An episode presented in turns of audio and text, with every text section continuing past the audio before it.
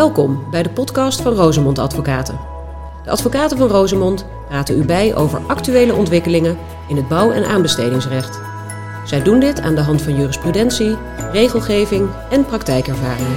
En dus inderdaad het UEA te gebruiken om al gelijk toe te lichten waarom je het niet eens bent met die eerdere beslissing. Vandaag luistert u naar Daan Versteeg en Jurgen den Houting. Ah, Jurgen, Goedemorgen Daan. Jij hebt wat moois aanbestedingsrechtelijks eh, in de aanbieding. Klopt, ik wilde het eh, graag met jou vandaag hebben over uitsluitingsgronden. Hmm, En dan meer specifiek de past performance. Kijk. Die mogelijkheid is met de wijzigingen in de aanbestedingswet in 2016 is die mogelijkheid ook eh, toegevoegd. Ja, dat is nieuw hè. Dat was een, een, vurige gekoesterde wens. Omdat aanbesteders ervan baalden dat iemand die het werk helemaal had verprust... bij de eerstvolgende aanbesteding weer vrolijk vooraan stonden met de laagste inschrijving. Klopt. En werkt het een beetje? Nou ja, er zijn nu twee arresten gewezen over de past performance en die geven wel iets meer duidelijkheid. En misschien is het goed om ook even kort toe te lichten dat de wet dus dwingende en facultatieve uitsluitingsgronden kent. Ja. Eh, bij dwingende uitsluitingsgronden, dat zijn uitsluitingsgronden die moet elke aanbestedende dienst hanteren. Dan moet je bijvoorbeeld Dat zijn ook de, heavy dingen hè. Dat, eh, Dat zijn de zware- praktijken. Precies, dan moet je dus denken aan strafrechtelijke veroordelingen of andere of belastingfraude, dat soort situaties. En daarnaast heb je de facultatieve uitsluitingsgronden. En daar eh, geldt voor dat aanbestedende diensten kunnen ervoor kiezen om die al dan niet toe te passen. Dat zijn die gronden die je in het uniform aanbestedingsdocument ook ziet die je kan aanvinken. Ja, en nou is mijn ervaring dat de meeste aanbesteders gewoon denken... mooi, laat ik maar overal een kruisje zetten. Ik kom eigenlijk zelden tegen dat, eh, dat er één niet van toepassing is. Ja, wat wel jammer is, want de gids proportionaliteit zegt volgens mij, wees daar toch wel een beetje terughoudend in. Want zeker dingen zoals een ernstige fout, ja, dat, dat is ook nog maar eens de vraag wat je eronder verstaat. Dus Klopt. dat maakt het voor een aanbesteder soms ook gewoon lastig. Want be careful what you wish for. Elke vraag krijgt een antwoord en dan moet je er iets mee. Dat klopt zeker. Daarom is het wel, wel goed dat er nu twee arresten geweest Mhm. zijn over die past performance, omdat het toch wel iets meer duidelijkheid geeft. Want wat mij zelf bijvoorbeeld al opvalt, is dat als je kijkt naar de eh, formulering van Ja. de past performance eh, uitsluitingsgrond, als je kijkt hoe dat geformuleerd is in het eh, UEA, Ja, dan valt al op dat de tekst alweer verder gaat dan zoals die in de aanbestedingswet staat. Als je de formulering bekijkt op het UEA, dan zie je dat, het, dat je eigenlijk iedere beëindigen, iedere vroegtijdige beëindiging van een opdracht of iedere schadevergoeding of andere sanctie, die moet je melden. En dan heb je vervolgens maar liefst 1500 tekens. Nou ja, dat is, dat is natuurlijk niet veel nee, om eh, toe te lichten waarom jij zelf bijvoorbeeld vindt dat dat niet het geval is. Terwijl als je kijkt het zijn drie Twitterberichten. zo is dat, ja, precies. Terwijl als je kijkt hoe het in de, eh, in de aanbestedingswet is geformuleerd, daar is het natuurlijk, gaat het om een aanzienlijke tekortkoming Ja. en een voortdurende eh, tekortkoming eh, van een, een schending van een wezenlijk voorschrift. Dus dat Ja. gaat al een stuk verder. Ja, er zit, er zit heel veel proportioneels in, hè? Wat, wat, wat je steeds in de wet zit. Hè? Het moet en ernstig zijn en wezenlijk. En dus geleid hebben dan tot beëindiging, schadevergoeding of vergelijkbare sancties. Exact. En jij zegt dus, als je dat UEA bekijkt, is het eigenlijk alleen maar als het effect zich heeft voorgedaan, ook al was het iets mineurs. Dacht je te laten opleveren. Precies, het is eh, ruim geformuleerd. En ik heb ook geregeld de vraag gekregen, inderdaad, eh, van, van ja, in hoeverre moet je nou alles melden? Of moet je eigenlijk zelf al een soort toets maken? Hè, van is dit zo erg dat ik het moet melden of niet? Nou ja, en daar geven dus de twee arresten die ik eh, graag wil bespreken, of geven daar wat meer duidelijkheid over. Nou, nou kom maar door, want ik ben benieuwd. Nou, het eerste arrest ehm, is een, een Italiaanse zaak, ehm, Mecca geheten. Mecca had bezwaar gemaakt tegen de eh, geldige verklaring van een concurrent. Eh, het gaat over de levering van eh, maaltijden op een lagere school. En de concurrent, Sirius, die had maaltijden geleverd, waardoor er wat kinderen ziek naar huis zijn gegaan. En toen heeft daarna de school, of in ieder geval de gemeente, alsnog de overeenkomst ontbonden. Ja, dus deze valt, partij... valt die- wat voor te zeggen. daar valt wat voor te zeggen. Maar prompt toen natuurlijk op zoek gegaan werd naar een, een nieuwe leverancier, want die arme kinderen moesten natuurlijk wel wat eten. Toen kwam ehm, eh, deze inschrijver weer doodleuk met een inschrijving en eh, die wilde weer meedoen met de aanbesteding en hij won hem ook nog. En toen En heeft... natuurlijk inmiddels een goede voorraad eh, eten liggen, wat in prijs was gedaald. Precies, precies. En toen heeft de concurrent, en dat is dus Mecca, die heeft daar bezwaar tegen gemaakt. Kijk, En eh, het argument van eh, zowel de gemeente als eh Sirius was dat Sirius de ontbinding had aangevochten bij de rechter. En dat dat dus, hè, de zaak was onder de rechter. En daarmee was deze uitsluitingsgrond van de baan, hè, de, de tekortkoming. Toch wel aardig dat de gemeente dus inmiddels alweer was vergeten. Dat is, die Misschien- zijn niet lang rancuneus, die Italianen. Precies, eh, wat daarachter zit, daar kun je naar gissen. Maar het argument was inderdaad dat de, de ontbinding werd aangevochten bij de Ja, rechter. en, en daar valt natuurlijk op zich wat voor te zeggen. Want als de rechter je gelijk geeft, dan ben je natuurlijk ten onrechte van dat werk gegooid. Of in dit geval die, die opdracht, eh, die levering mag je niet meer doen. Ja. En dan krijg je ook nog eens om de oren dat je die vroegtijdige beëindiging hebt. Dus Klopt, klopt. Helaas ging die vlieger niet op. En eh, wel aardig is dat als je de conclusie van de advocaat-generaal, die Mhm. een, een soort wetenschappelijk advies aan het Hof van Justitie geeft, als je de, de conclusie van de advocaat-generaal leest, en dat hebben we ook al in eerdere uitspraken gezien, is dat het uiteindelijk hè, de beoordelingsruimte is aan de aanbestedende dienst. En wat ook van belang is, dat uitsluitingsgronden moet je ook zien in het licht van de betrouwbaarheid van de inschrijver. En dat is dat is ook de reden waarom een aanbestedende dienst een eigen toets moet toepassen. Op het moment dat je eh, eh, de inschrijver bezwaar laat maken bij de rechter, dan wordt feitelijk de, de aanbestedende dienst die wil contracteren met een inschrijver, die Ja. wordt de kans ontnomen om de betrouwbaarheid te toetsen. Dat snap ik. Daar staat natuurlijk tegenover dat het wel weer hartstikke subjectief is. Een rechter, eh, ben je wel of niet toerekenbaar tekort gekomen, is heel objectief. Ja. En hier van, ja, we hebben, eh, je kent van die enge dingen als, die, we krijgen niet zo'n goed gevoel bij deze partij. Ja, dat kan natuurlijk ook de andere kant op redeneren. Dat is waar. Eh, daar gaat overigens het, het, andere arrest wat ik dadelijk ook wil bespreken nog iets dieper Ja. op in.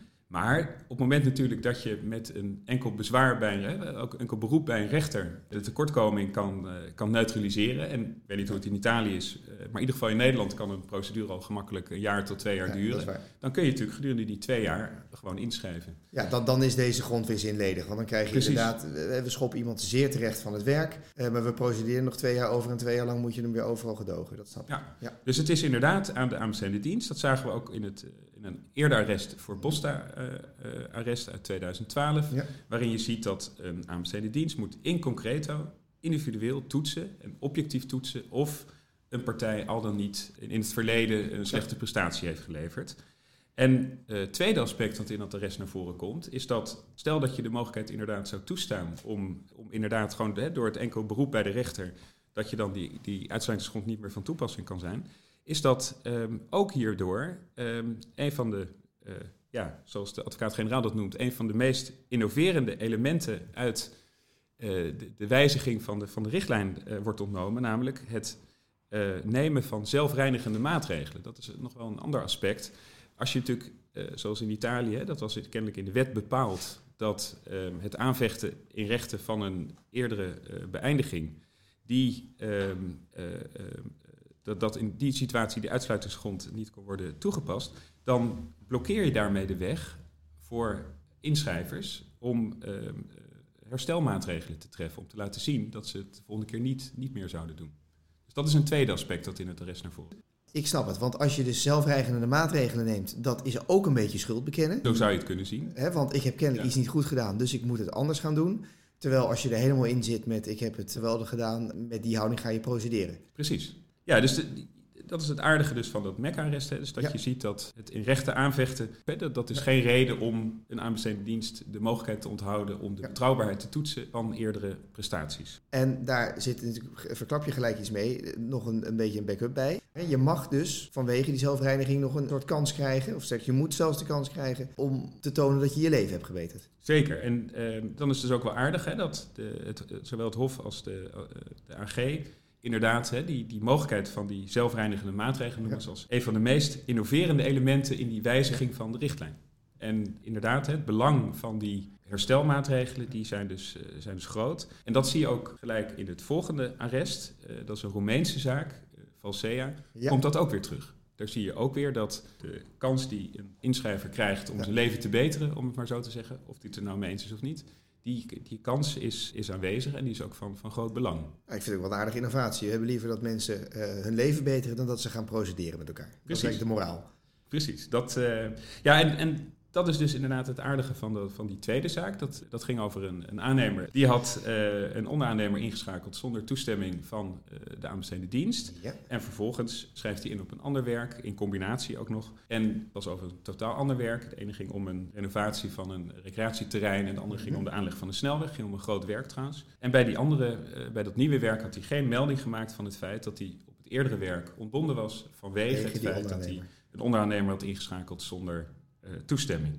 En uh, kennelijk is er in uh, Roemenië heb je een, een, soort zwarte lijst, online platform, waar alle ontbindingen worden bijgehouden. Ja. Uit de parlementaire geschiedenis van de aanbestedingswet lees ik dat ook de wetgever uh, die optie noemde van een soort uh, ja, een register. register hè? Dat, van, dat, dat, staat me goed bij. Want ik weet nog dat ik dat heel beangstigend vond. Het is, het, het is denkbaar, staat er dan in die, in, in die memorie van toelichting, dat met het oog op de toepassing van dit criterium, dus die pas performance, aanbestedende diensten een register bijhouden waarin de aanzienlijke of voortdurende tekortkomingen van ondernemers kunnen worden geregistreerd. Nou, dat, daar kon ik me wel iets bij voorstellen. Want ik denk, ja, anders uh, is het ook maar wie, wie, toevallig op een borrel hoort van uh, bij Piet is de overeenkomst ontbonden en bij Henk niet. Maar dan gaat het verder. Dan zeggen ze, het ligt in de reden dat aanbestedende de diensten voorzien in een zorgvuldige procedure met betrekking tot een dergelijk register. Zo verdient het aanbesteding om hoor en wederhoor toe te passen. Ja, dat vond ik nou even wat een stuk zwakker. We, we hopen dat je het goed doet en, en, misschien is het een goed idee Ja. om niet zomaar iedereen erop te knallen. En dat dilemma zie je dus ook meteen terug in dat Valsea-arrest. Omdat de andere aanbestedende dienst uh, dus ook kon zien dat er een, vo een voortijdige beëindiging Ja. had plaatsgevonden. Maar wat je tegelijkertijd ziet, is dat, en dat uh, volgt uit dat andere arrest ook, dat speelde ook, hè, dat de enkele ontbinding is onvoldoende voor een aanbestedende dienst om een beroep te doen op die past performance uh, bepaling. Dus de, de aanbestedende dienst heeft dus die, die zelfstandige taak en ook verplichting om te toetsen of er sprake is van zo'n voortdurende Ja, tekortkoming. Maar dat betekent dus tegelijkertijd ook dat die aanbestedende dienst moet dus of van de inschrijver of van de eerdere aanbestedende dienst natuurlijk wel de informatie krijgen om dat te kunnen beoordelen. Ja, oké. dus je mag niet blind varen op Jurgen heeft ruzie met hem gekregen. Dus ik zal het ook wel een vervelende vent vinden. Dus ik ga er geen zaken mee doen. En dat is natuurlijk gelijk ook het grote risico van zo'n zwarte lijst. Dat als er enkel alleen maar staat Ja. die en die partij ontbonden vanwege uh, dit en dit. De angst kan ik me goed voorstellen onder inschrijvers dat een aanbestedende dienst dat gewoon klakkeloos overneemt. Ja. Terwijl natuurlijk uh, de bedoeling is, en dat volgt heel duidelijk ook uit, dat, uit die Romeinse zaak, dat de aanbestedende dienst moet zelf uh, een oordeel daarover vellen. Nou, dat vind ik heel geruststellend, want ik vind Ja. het ook doodeng, omdat je, je kan, hè, bedoel, we moeten niet direct van het slechte van de mens uitgaan, maar in ons vak leren we toch ook van dat we er rekening mee moeten houden. Anders kan je dus zeggen, ja, ik zet jou op het register, uh, ik noem maar wat, als je die meerwerkclaim niet intrekt. Of ik ga met boetes dreigen als je niet doet wat ik zeg. En ja, dan heb je als aannemer in de houding te springen, want Ja. anders schiet je het register binnen en dan ben je in één keer bij iedereen uitgesloten. Dat werkt gelukkig dus niet zo. Dat klopt. Je hebt dus altijd inderdaad de partij. Hè, dat, dat heeft natuurlijk weer te maken Ja. met die betrouwbaarheid en de vertrouwensrelatie die je met de nieuwe aanbestedende dienst aangaat. Ja. Klinkt, klinkt een beetje zweverig, Ja, maar het is toch ja. wel wat het is. Ehm, dat die nieuwe aanbestedende dienst, die moet die toets uitvoeren. Dus die checkt één, is er bij een collega ontbonden? Twee, wat was bij de collega de moverende reden? Is dat iets waar ik me ook uh, druk om kan maken? En dan tenslotte nog een keer checkt hij bij die partij die het gedaan heeft, tussen aanhalingstekens. Precies. Hoe- Wat is jouw kant van het verhaal? Maar dat betekent, als je natuurlijk een eerdere aanbestedende dienst hebt, hè, die wel Ja. eh, de, de moeite kennelijk heeft genomen om een partij op een zwarte lijst te zetten, Ja. als die vervolgens niet thuisgeeft en geen informatie wil verstrekken, dan zou dat, zou je Ja. kunnen zeggen, in het voordeel moeten werken van de inschrijver. Want dan eh, kan de aanbestedende dienst niet Varen de op. toets. Ja. Maar tegelijkertijd heeft het ook iets aparts dat een aanbestedende dienst met wie je natuurlijk een overeenkomst gaat sluiten, eigenlijk een inhoudelijke toets moet gaan toepassen. In hoeverre een partij bij een eerdere overeenkomst ontbonden is. Hè. In dit geval ging het om een eh, opdracht voor de renovatie van een recreatiecomplex. Ja. En eh, vervolgens gaat het over de aanleg van een snelweg. Hè. Dat totaal andere werken. En Ja. dat, dat maakt het toch. En dus dat eigenlijk is weer dubbel subjectief, hè? Want dan ga ik Ja. eh, met jou praten en zeg, Guns, waarom heb je dat gedaan? En dan, eh, nou, wie, wie weet ben je gewoon heel boos op die partij en dan zet je dat dik aan. En dan denk ik, nou, als, als Jurgen zo boos is, zal ik het ook wel vinden. En dat, Ja. dat is wel van horen zeggen op horen zeggen natuurlijk. Precies, en daarom denk ik dat het heel verstandig is. Dat, dat, kun je ook, dat volgt ook uit het arrest, hè, waar de- ook het Hof daarop wijst. Daarom is het zaak om als inschrijver hè, hierop vooruit te lopen, te anticiperen. En dus inderdaad het UEA te gebruiken om al gelijk toe te lichten waarom je het niet eens bent met die eerdere beslissing. Maar ja, Jurgen, dat gaat nog wel ver terug. Want als je elke boete die je ooit een keer hebt gekregen daar moet invullen. En als je die, precies zoals jij zegt, de letter van eh, het UEA letterlijk neemt, zou je dat moeten doen in die 1500 tekens. Dan, eh, nou, dan mag je met bijlagen gaan werken. Absoluut, ja. Dan, en vandaar ook dat eh, als je de, de parlementaire geschiedenis leest, letterlijk staat er om te voorkomen dat deze uitsluitingsgrond te gemakkelijk wordt ingeroepen voor kleine tekortkomingen, worden er in het artikellid enkele waarborgen opgenomen. Dus ik denk. Dus jij leest wel daar al in dat je niet elk wisselwasje hoeft te noemen. Niet ik alleen dat- die 1500 tekens, maar ook de wet. Ik, ik denk inderdaad, als je de. Maar dat, het gevaar zit er natuurlijk wel in dat je zelf wat te Nee, lichtvaardig ja, ja. denkt over de vraag: moet je dit melden? De vraag is of je voor een paar dagen overschrijding nou al meteen eh, een melding moet maken. Hè? Dat, Ja. Eh, Plus dat natuurlijk ehm, in die Roemeense zaak eh, had je dus het risico dat je in dat eh, register terecht kwam. En in Nederland, begrijp ik goed, hebben we dat niet, hè? Dat register is, uh, naar mijn weten, nog niet, nog niet van kracht. Dus dan moet het en ergens iets gebeurd zijn, maar dan moet er dus ook ergens op een, een netwerkbijeenkomst van aanbesteders moet er over jou gepraat zijn. Willen ze dat überhaupt weten? Ja, maar ik moet zeggen dat, dat, dat zal je ook niet verbazen. Wat gebeurt? Men altijd, men altijd goed op de hoogte is van. Ja. Maar ja. ik, heb, ik heb het zelf nog niet meegemaakt dat, dat inderdaad een inschrijver ongeldig werd verklaard vanwege een uh, ongeldige verklaring op een ander, ander werk. Het gaat toch al meestal over de situatie ja. dat een aanbestedende dienst met ledenogen aanziet dat een partij weer probeert in te schrijven. Nou, eens. En ik, ik persoonlijk vind ik ook, om alle redenen die jij net hebt genoemd, namelijk het ander type werk, ander aard van een aanbesteder, dat wat mij betreft, ja, het is niet aan mij om de richtlijnen te herschrijven, maar ik had het toch prettig gevonden als het gewoon bij dezelfde aanbesteder was geweest. Dan weet je dat het echt, uh, ja. echt ook in die persoonlijke vertrouwensrelatie zit. Ja, precies.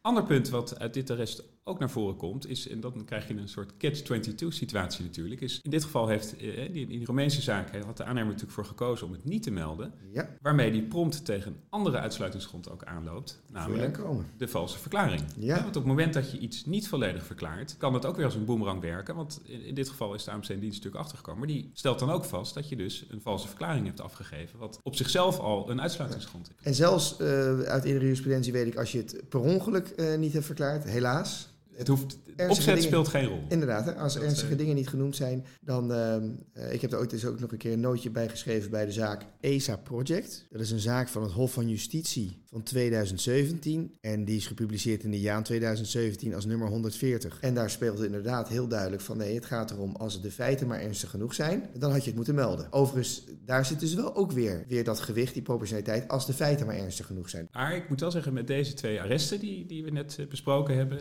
vind ik dat wel wat riskanter. Omdat toch echt wel de toets bij de aanbestedende dienst ligt. En, Ja. en het uitgangspunt is de aanbestedende dienst zo volledig mogelijk informeren. En dan is het aan de aanbestedende dienst vervolgens om een besluit te nemen. Wat je dan eventueel weer kan aanvechten. Dus Nee, ik- d- je zit dan onmiddellijk in de verdediging. Dat ben ik met je eens. Dus, Dat- dus veilig is het nooit. Dus jouw vlucht naar voren oplossing, wees maar zo volledig mogelijk en Ja. zet het maar vast in het juiste kader. Daar valt veel voor te zeggen. Maar je hebt ook nog iets in de aanbieding hè, voor mensen ehm, die je te veel, te weinig of wat dan ook. Ze mogen er niet meteen uit, toch? Klopt, want je hebt als AMC dienst, dat is ook in de wet eh, geregeld, de verplichting om als je van plan bent een partij ongeldig te verklaren, om die nog de mogelijkheid te bieden om aan te tonen dat ze zelfreinigende maatregelen hebben getroffen. Je kan ze ook al op het UEA natuurlijk eh, invullen, maar ja, ja, als je, voorkom je hopelijk dat ze überhaupt... natuurlijk, maar als je zelf van mening bent dat het geen tekortkoming is, hè, dan heb je daar natuurlijk gewoon nee ingevuld, dus dan kom je niet bij het kopje self-cleaning measures. Maar dan heb je inderdaad als AMC dienst nog altijd de verplichting om die mogelijkheid alsnog te bieden. En daarom is het denk ik heel verstandig dat als er sprake is van welke tekortkoming dan ook, hè, waar je een sanctie voor opgelegd hebt gekregen, om daar een, een protocol voor klaar te hebben of een inhoudscursus of dat je iets kan laten zien. Eh, En als het om ernstiger vergrijpen gaat, misschien wel eh, externe partijen hè, die, die, Ja. die, dat, eh, die een rapport hebben geschreven. Maar dat je kan laten zien dat je als inschrijver eh, je leven hebt gebeterd en dat dit niet, zeker niet nog een keer gaat gebeuren. Dus Jurgen, als we alle leermomenten van deze twee arresten bij elkaar zetten, dan is dus in ieder geval van belang om te weten dat als je te maken hebt gehad met een beëindiging of een ernstige boete op een werk, ook al ben je het er niet mee eens, ook al ben je ervoor naar de rechter, zolang dat eh, nog niet een uitgemaakte zaak is, zal je hier moeten toegeven, ik heb in het verleden gedoe gehad. Klopt, het UEA moet zo volledig mogelijk worden ingevuld, hè, ook omdat het natuurlijk zo objectief eh, verwoord staat. Ja, Ehm, eh, maar realiseer daarbij ook dat de aanbestedende dienst vervolgens verplicht is. Hè, die kan niet enkel afgaan op de mededeling dat dat bij een eerdere opdracht gebeurd is. Die moet het zelf toetsen of dat terecht was. En in dat en voor zover hij dat niet bij zichzelf weet, omdat het bij hem is gebeurd, moet hij bij de buren. eh, precies, moet hij eventueel ook navraag doen bij andere diensten. En daarom is het ook van groot belang om over die zelfreinigende maatregelen na te denken. Dat het altijd verstandig is om een het moment dat er zo'n sanctie is opgelegd, om een soort Ja. protocol op de plank te hebben liggen. En de aanbestedende dienst kan dan ook worden aangeboden om dat inderdaad in te zien. Helemaal omdat namelijk de tekst in het UEA vrij beperkt is. Je hebt 1500 tekens om dit eh, toe te lichten. Dus hou het kort en to the point, maar maak ook van de nood een deugd, want wat je daar invult kan je al gelijk een beetje in een voor jou positief daglicht stellen. Ja. En last but not least, als je het bent vergeten, dan moeten ze toch nog even de kans geven om wel dat handboek, wat het ook is geworden, op te sturen. Klopt. Dank Jurgen. Echt een stuk verhelderd op een, eh, op een eh, toch een lastige en eh, knaagt bij mij nog steeds een wat subjectieve uitsluitingsgrond. Ja, En een stapje verder in de richting. Hopelijk hebben we niet te veel eh aannemers last. Laten we het hopen. Dit was de podcast van Rosemond Advocaten. Leuk dat u luisterde. Heeft u vragen naar aanleiding van de podcast? Mail naar podcast.rosemond.nl Of ga naar onze website waar u ook eerdere afleveringen vindt. www.rozemond.nl